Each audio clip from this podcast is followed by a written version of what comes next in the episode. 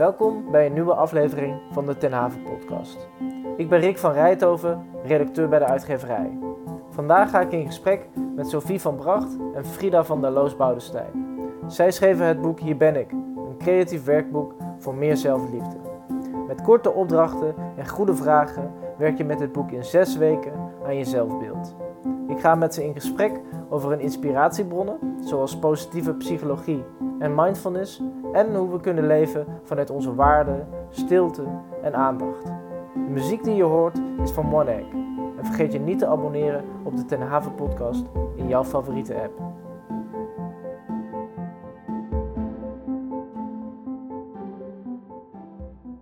Jullie eh, hebben een boek geschreven eh, over zelfliefde.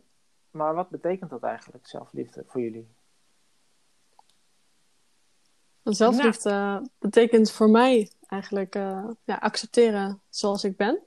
En het omarmen van alles wat erbij hoort. Dus ook eventuele imperfecties uh, die ik zelf op die manier zou zien. Dus dat is voor mij eigenlijk in het kort gezegd uh, wat dat betekent. Nou ja, Frida, voor jou, wat betekent het voor jou?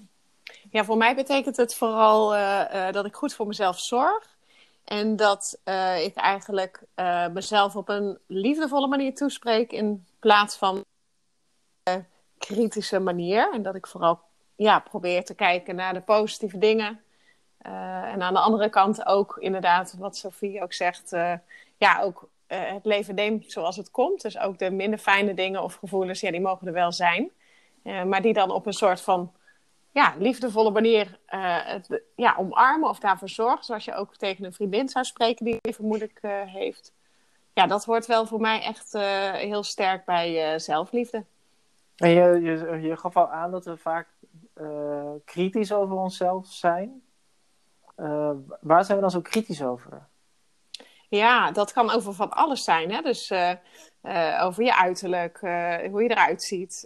dan kan je heel erg focussen op wat er niet goed aan jezelf is als je in de spiegel kijkt. Maar het kan natuurlijk ook zijn over als je ja, in je werk, dat je iets, een presentatie moet houden. Of uh, een bepaald gesprek hebt met iemand en denkt, oh ja, dat had ik nog moeten doen of zeggen. Dat je dan heel erg blijft nadenken over dat soort punten. Ik denk dat we als mens wel vaak geneigd zijn om uh, ja, te kijken naar wat er minder goed gaat wat dat betreft. Of wat er niet goed aan onszelf is. En Sophie, doen we dat dan uh, meer bij onszelf dan bij anderen, heb je het idee? Um, ik denk het wel. Ik denk zelf uh, dat de meeste mensen ook wel harder of ja, wat, wat uh, kritischer naar zichzelf, uh, zichzelf toespreken dan naar anderen. Bijvoorbeeld naar een vriendin toe zou ik nooit zeggen van nou, die foto kun je echt niet, niet plaatsen oh, op, ja. op, op je Instagram stories bijvoorbeeld. Terwijl ik dat tegen mezelf wel bijvoorbeeld kritisch zou doen. Maar ik denk ook dat het kritisch vooral als ik kijk naar mijn eigen leeftijdsgroep, ik ben dan 28 jaar, dat ook wel erg te maken heeft met misschien bepaalde doelen halen in je carrière of bepaalde activiteiten meedoen. En, en ook, ja, dat je ook echt meegaat in de, in de tijd van nu. Dat je dingen misschien ook niet wil missen, bijvoorbeeld. En moet voldoen aan een bepaald beeld wat je jezelf uh, voorschotelt. Een soort FOMO noemen ze dat, Bijvoorbeeld, ja. ja. ja. en we, we, kan jij voor, concrete voorbeelden geven van waar jij dan bijvoorbeeld zelf van denkt van, oh jee, uh, dit gaat niet snel genoeg? Of, um... um, nou, voor mezelf heb ik uh, ik altijd ook al streng geweest. Nu gaat het wel beter. Nu, uh, ja, natuurlijk ook met Frida gewoon... Uh, het boek is ook een soort van ontwikkelingsproces geweest voor mijzelf, kan ik wel ja. zeggen.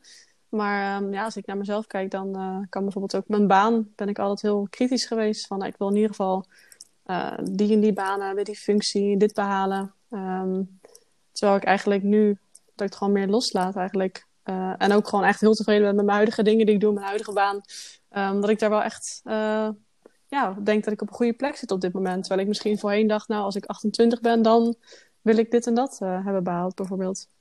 Ja, dat je meer inderdaad het, het ideaalbeeld loslaat of zo. Dat dat ja. niet zo belangrijk wordt. Ja, klopt. Dat je meer omarmt waar je staat en eigenlijk ook wel leert uh, waarderen waar je al eigenlijk staat. Als je even een stapje terug doet of even stilstaat. Ja, mooi. mooi. Ja.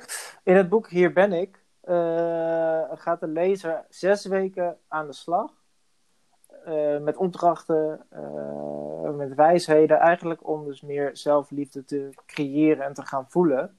Is er een reden voor dat jullie het zes weken hebben gedaan? Is dat, uh, zit daar een gedachte achter?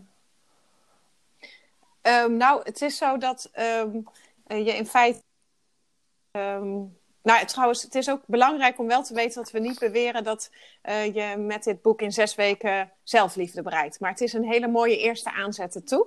En um, ja, als je, als je wil aanleren dat je iedere dag iets op een bepaald moment doet, dus een soort nieuw gedragspatroon wil ontwikkelen. Bijvoorbeeld even reflecteren op jezelf van hoe is het eigenlijk met mij? Wat voel ik eigenlijk? Uh, ja, hoe gaat het met mij? Hoe voelt mijn lijf? Nou, als je dat zeg maar uh, wil aanleren om dat dagelijks te doen, dan is het heel belangrijk om dat wel langer dan één of twee weken te doen. Um, dus als je dat boekje zes weken volgt, dan op een gegeven moment ben je wel gewend. Ja, ik doe het dan op een heel vast moment. Ik heb hem onlangs zelf laatst ook weer opnieuw gedaan en deed het voor het slapen.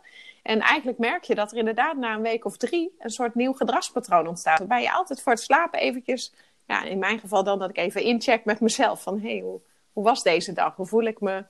Uh, even tijd voor mezelf nemen, zo voor ik ga slapen. Uh, dus ja, dat helpt wel als je het zes weken lang doet voor uh, ja, het insluiten van wat dat betreft nieuw gedrag. En die tijd voor jezelf te nemen op een bepaald moment van de dag. En werkt dat ook zo bij jou, Sophie? Ja, klopt, inderdaad. Voor mij, ik heb zelf altijd ook wel een beetje mijn ritueeltjes. als ik inderdaad naar bed ga, dus dan lekker douchen, tanden poetsen. En nou, dat is ook medicijnen die je dan bijvoorbeeld s'avonds nog inneemt. En boek heeft voor mij ook op mijn nachtkastje gelegen. En dan is het ook een standaard iets wat ik dan doe. En ehm, ja, nou ja, goed, opdrachten zijn natuurlijk heel variërend, maar uh, zet je gewoon echt even aan tot nadenken of juist even tot uh, jezelf toekeren. Ja. En dat is wel ja, een fijne manier. En het boek zit ook echt vol met vragen en, en, en opdrachten. ook echt om zelf mee aan de slag te gaan. Het is echt een, het is een, een werkboek, hè, zo noem je het ook, een creatief werkboek. Waarom hebben jullie die vorm gekozen? Um, nou, eigenlijk um, vinden wij die interactieve manier juist zo interessant. Je hebt natuurlijk wel heel veel uh, ja, leesboeken, als ik het zo kan noemen, waarin je gewoon heel veel kan lezen uh, over het onderwerp. Um, over verschillende onderwerpen, ook natuurlijk mindfulness en uh, positieve psychologie. Maar in dit boek is het echt aan de lezer of lezeres, die als het ware gewoon echt met zichzelf aan de slag gaat. En door het doen van die kleine oefeningen ja, leer ook meer over het onderwerp en leer je jezelf ook echt beter kennen. En door het boek heen staat ook wel echt informatie op subtiele manieren over uh, de thema's. Dus op die manier, um, ja, het is gewoon echt een doelboek. Je mag gewoon lekker schrijven, krassen, dingen inplakken, dingen uitscheuren. Um, ja, en ja. we denken ook juist dat het heel fijn is als dat, uh, dat, dat je dat schrijven doet of uh, knippend en plakkend in plaats van bijvoorbeeld op een scherm. Dus door zeg maar iets te doen met de opdracht en er ook een handeling met je, met je handen zeg maar, aan te koppelen, denk ik ook dat de opdracht anders binnenkomt dan wanneer je het alleen zou lezen en dan moet bedenken. En dat je er zeg maar niks aan, geen handeling aan moet uh, koppelen. Dus nu word je wel gedwongen om ja, het iets meer te doorleven of zo ook. Ja, en het is ook wel zo dat bij het woordje opdracht, dat klinkt misschien nog een beetje stoffig. Het is niet zo dat er alleen maar een vraag staat en dat je een antwoord kan invullen. Maar het is ook wat meer uh, metaforisch uitgewerkt. Bijvoorbeeld uh, een opdracht waarin je eens nagaat welke belangrijke personen je om je heen hebt in je leven. En dan staat er ook gewoon een cirkel in het midden van de rechterpagina. En de pagina is verder leeg. Dus in die cirkel kan je dan je eigen naam zetten. En dan word je dus de opdracht gevraagd om gewoon de personen daaromheen te schrijven. Om ook echt een beetje te kijken van nou, wie staat er nou wat. Wie staat nou dichtstbij? Wie staat er verder af? Welke vrienden, vriendinnen, familie zijn belangrijk voor mij? Dat je echt op een andere manier een beetje naar gaat kijken en echt dingen gaat visualiseren. Ja, daarmee stimuleer je denk ik ook andere hersengebieden dan uh, ja. dat je het of alleen maar zou lezen of het alleen maar uh, op een scherm zou intypen, misschien inderdaad. Ja. En dat is denk ik ook omdat jullie je hebben laten inspireren door de positieve psychologie. Um, kunnen jullie daar wat meer over vertellen? Wat, wat voor inspiratie hebben jullie daaruit gehaald, uit die stroming? Ja, de positieve psychologie is eigenlijk een stroming die zich heel erg richt op uh, kwaliteiten van mensen en op het vergroten van uh, je, ja, je draagkracht, zeg maar. Dus wat je aan kan en uh, het vergroten van je sterke kant en het inzetten van die kwaliteiten. En kijken naar wat er wel goed gaat en je focus hebben op de dingen waar je van geniet of waar je dankbaar voor bent. En um, ja, daar heb ik ook een opleiding zelf in gevolgd. Dus voor mij is dat echt wel een rode draad in de, ja, tijdens bijvoorbeeld ook de consulten die ik aan mijn cliënten geef. Um, en ja, eigenlijk is het ook gewoon een rode draad van het boek geworden. Dus heel veel opdrachten, die hebben daar wel zijn, oors, zijn, zijn of haar oorsprong in.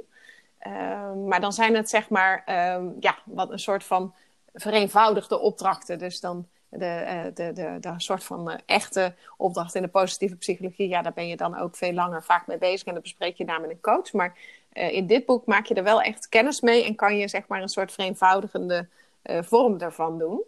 Uh, waardoor je dus als het goed is ook wel meer op die positieve manier naar jezelf gaat kijken. En meer gaat doen vanuit je kwaliteiten. En ook stil gaat staan bij, hey, wat voelt er goed voor mij? En kan ik dat meer doen? Dat is heel erg wat het boek eigenlijk ook stimuleert. Dus is dat zeg maar, als we dan even nadenken vanuit de middelbare school of zo, vanuit de basisschool, is dat je niet je concentreert op eh, van je, van je 5,5 een, uh, een 6 maken, maar meer van, van je 7,5 een 8. Is dat ehm, wat het boek doet, of hoe moet ik dat zien? Nou, eigenlijk meer dat uh, wat je doet, wat, waar je goed in bent en wat jou van nature goed afgaat, um, dat je dat benut. Dus dat je, uh, stel dat je heel slecht bent in rekenen, dan kan je, hè, oh, en je haalt altijd een 5, dan kan je super hard inspannen om daarin uh, beter te worden en heel veel energie in steken. Maar je kan ook kijken van, goh, in welke vakken ben ik zeg maar goed? En ja, hoe kan ik die dan ruimte geven in mijn leven? Of hè, wat kan ik dan gaan doen uh, wat daarbij aansluit? Dat wil natuurlijk niet zeggen dat je helemaal niet aan die vijf hoeft te werken, hè, want je moet toch een bepaald niveau halen. Hè, dus dat, daar ga je ook mee aan de slag. Maar de focus ligt ook veel meer op van wat je al in huis hebt om dat te benutten. Ja, mooi. mooi. En een andere stroming, uh, want je, het boek rust uh, volgens mij op twee pilaren. Hè? Dat is de positieve psychologie. Dat is één pilaar. De andere pilaar is, uh, is mindfulness, mag ik dat zo zeggen? Ja, ja. En wat nemen jullie mee uit die stroming? Wat zijn lessen die jullie daar hebben geleerd waarvan jullie denken, nou dat is echt ontzettend belangrijk als we kijken naar zelfliefde? Wil jij daarover beginnen, Sophie? Ja, dat is goed.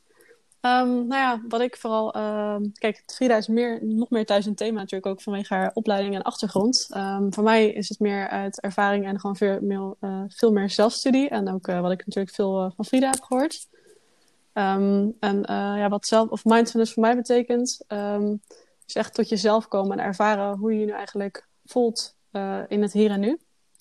En ja, door middel van het boek uh, maak je er ook kennis mee door middel van uh, ja, kleinere opdrachten. Zoals bijvoorbeeld uh, de bodyscan die in het boek staat, waarbij je wordt gevraagd om op een fijne plek te gaan liggen, zoals bijvoorbeeld lang uit op de bank of op bed. Waarbij je echt je ogen sluit en vanaf je kruin helemaal langs je lichaamsdelen tot aan het topje van je tenen langs gaat. Om te kijken van ja, hoe voelt dat nu eigenlijk? Wat voel ik nu op dat moment op dat gebied? En um, voel ik daar misschien spanning of is het juist ontspannen?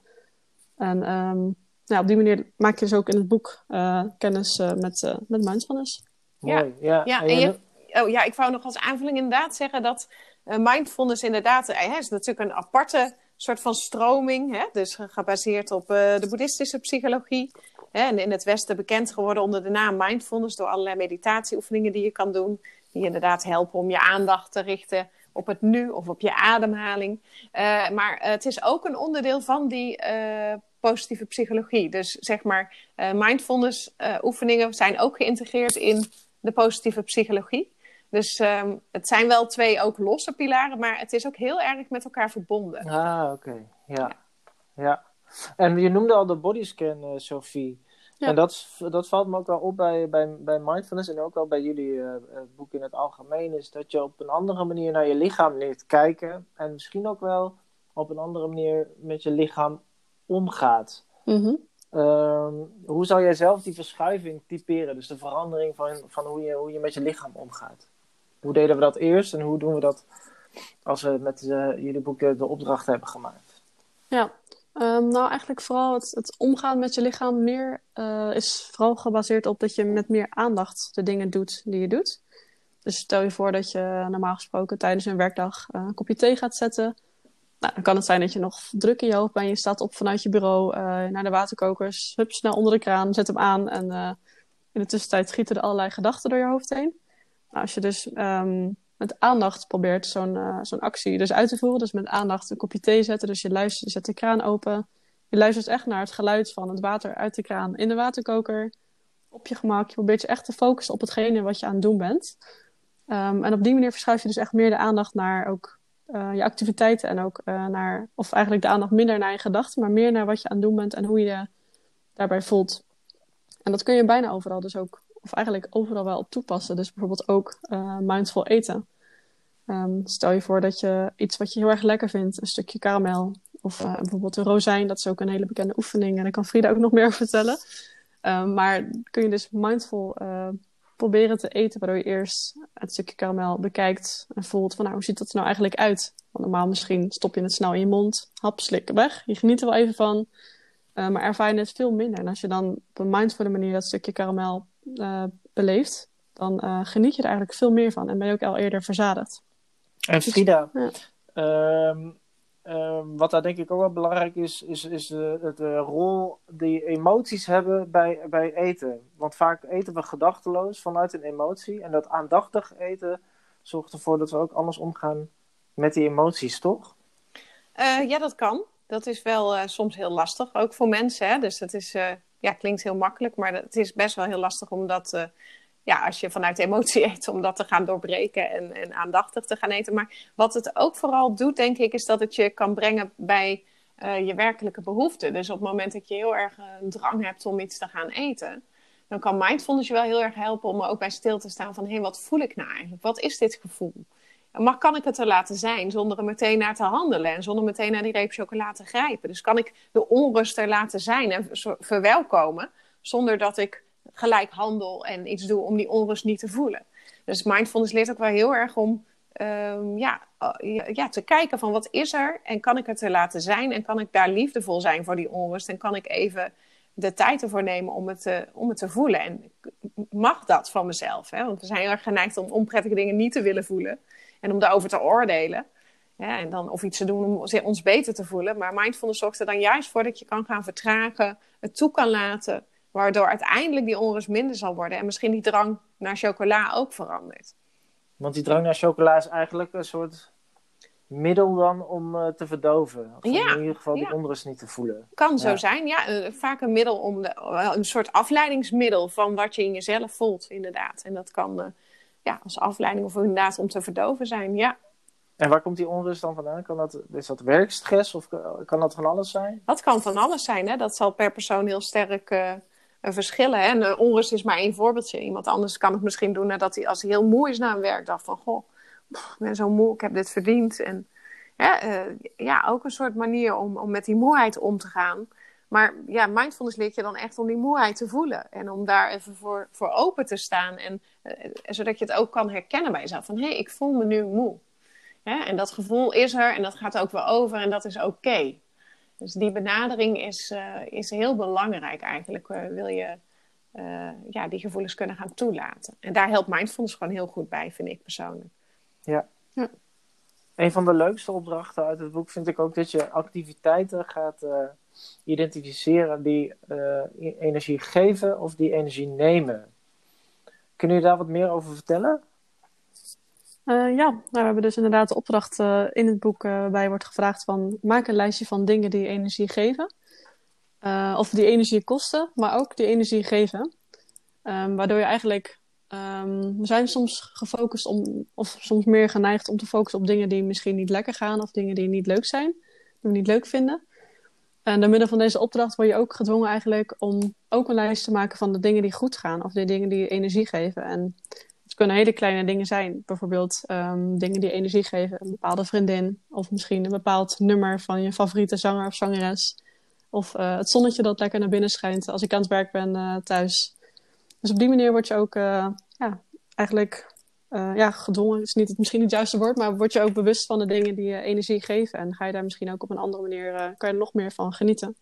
Ja, en dat geeft eigenlijk ook een heel praktisch handvat voor als het even minder met je gaat. Van nou, hè, ik ben moe of ik ben onrustig en ik zit niet lekker in mijn vel. Oh ja, dat lijstje.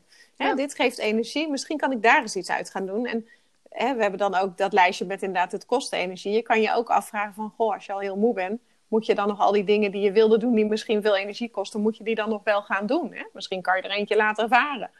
Dus um, ja, het, is ook wel, het geeft ook bewust wel een soort handvat om, om dingen anders te gaan doen en om goed voor je energie te zorgen. Ja. En Sophie noemde al een paar dingen die, uh, die op het lijst staan, zoals de zon die dan uh, naar binnen schijnt. Wat staat er nog meer bij jullie op het lijstje van activiteiten die energie geven? Daar ben ik wel benieuwd naar.